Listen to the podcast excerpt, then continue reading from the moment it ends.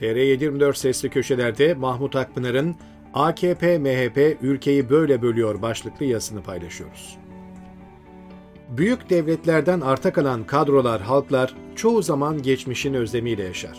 Gerçeklerden kopuk bir hülyayı kovalarken hüsran üstüne hüsran yaşarlar.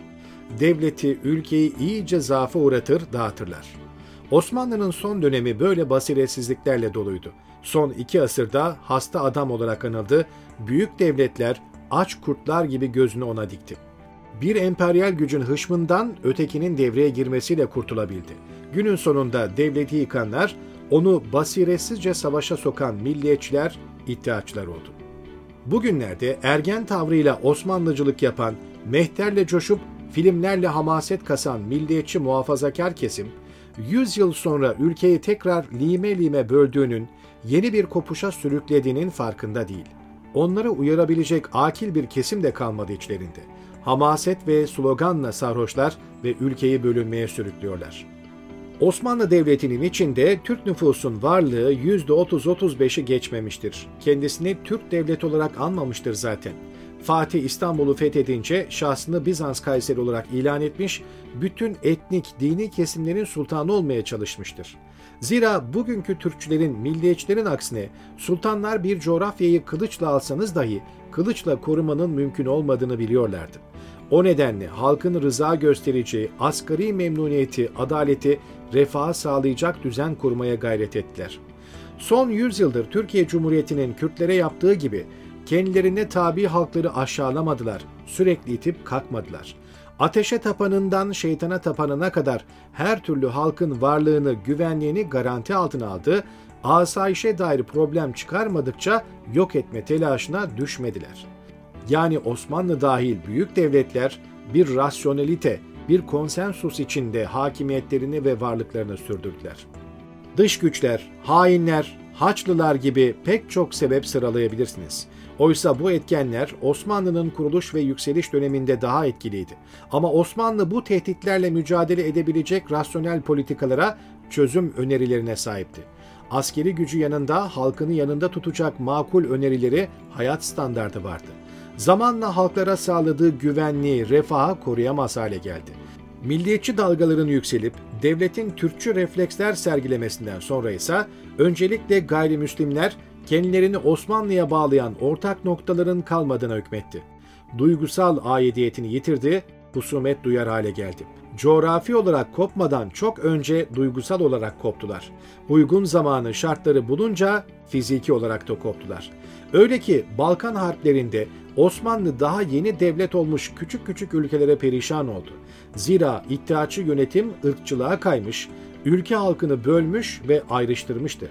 Siyaset, rüşvet, kayırma her yere girmiş, devleti zaafa uğratmıştı. Hep söyleye geldiğimiz gibi Türkiye'yi bölen Kürtler olmaz, Türkçüler olur. Bu da Kürtlere en temel hakları çok görerek, onları insan dışılaştırarak, onuru ve haysiyetlerini yok sayarak, yani bu ülkeyle bağlarını tahrip ederek olur. Türkiye Cumhuriyeti 100 yıl boyunca tekçi bir anlayışa sahip oldu ve başka dil, din ve etnik yapıların varlığını kabullenmek istemedi. Uluslararası bir anlaşma olan Lozan'la hak sahibi olan azınlıklar dahi türlü imha ve asimilasyon süreçlerine maruz kaldılar.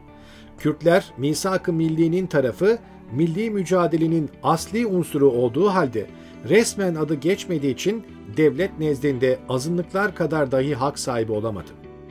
MHP-AKP ittifakı ülkeyi her açıdan yaşanmaz hale getirdi. Kendi iktidarını ayakta tutabilmek için toplumu lime lime ayırdı, birbirine düşürdü. İnsanların ortak bir ülküsü, birlikte yaşama arzusu, hayali kalmadı.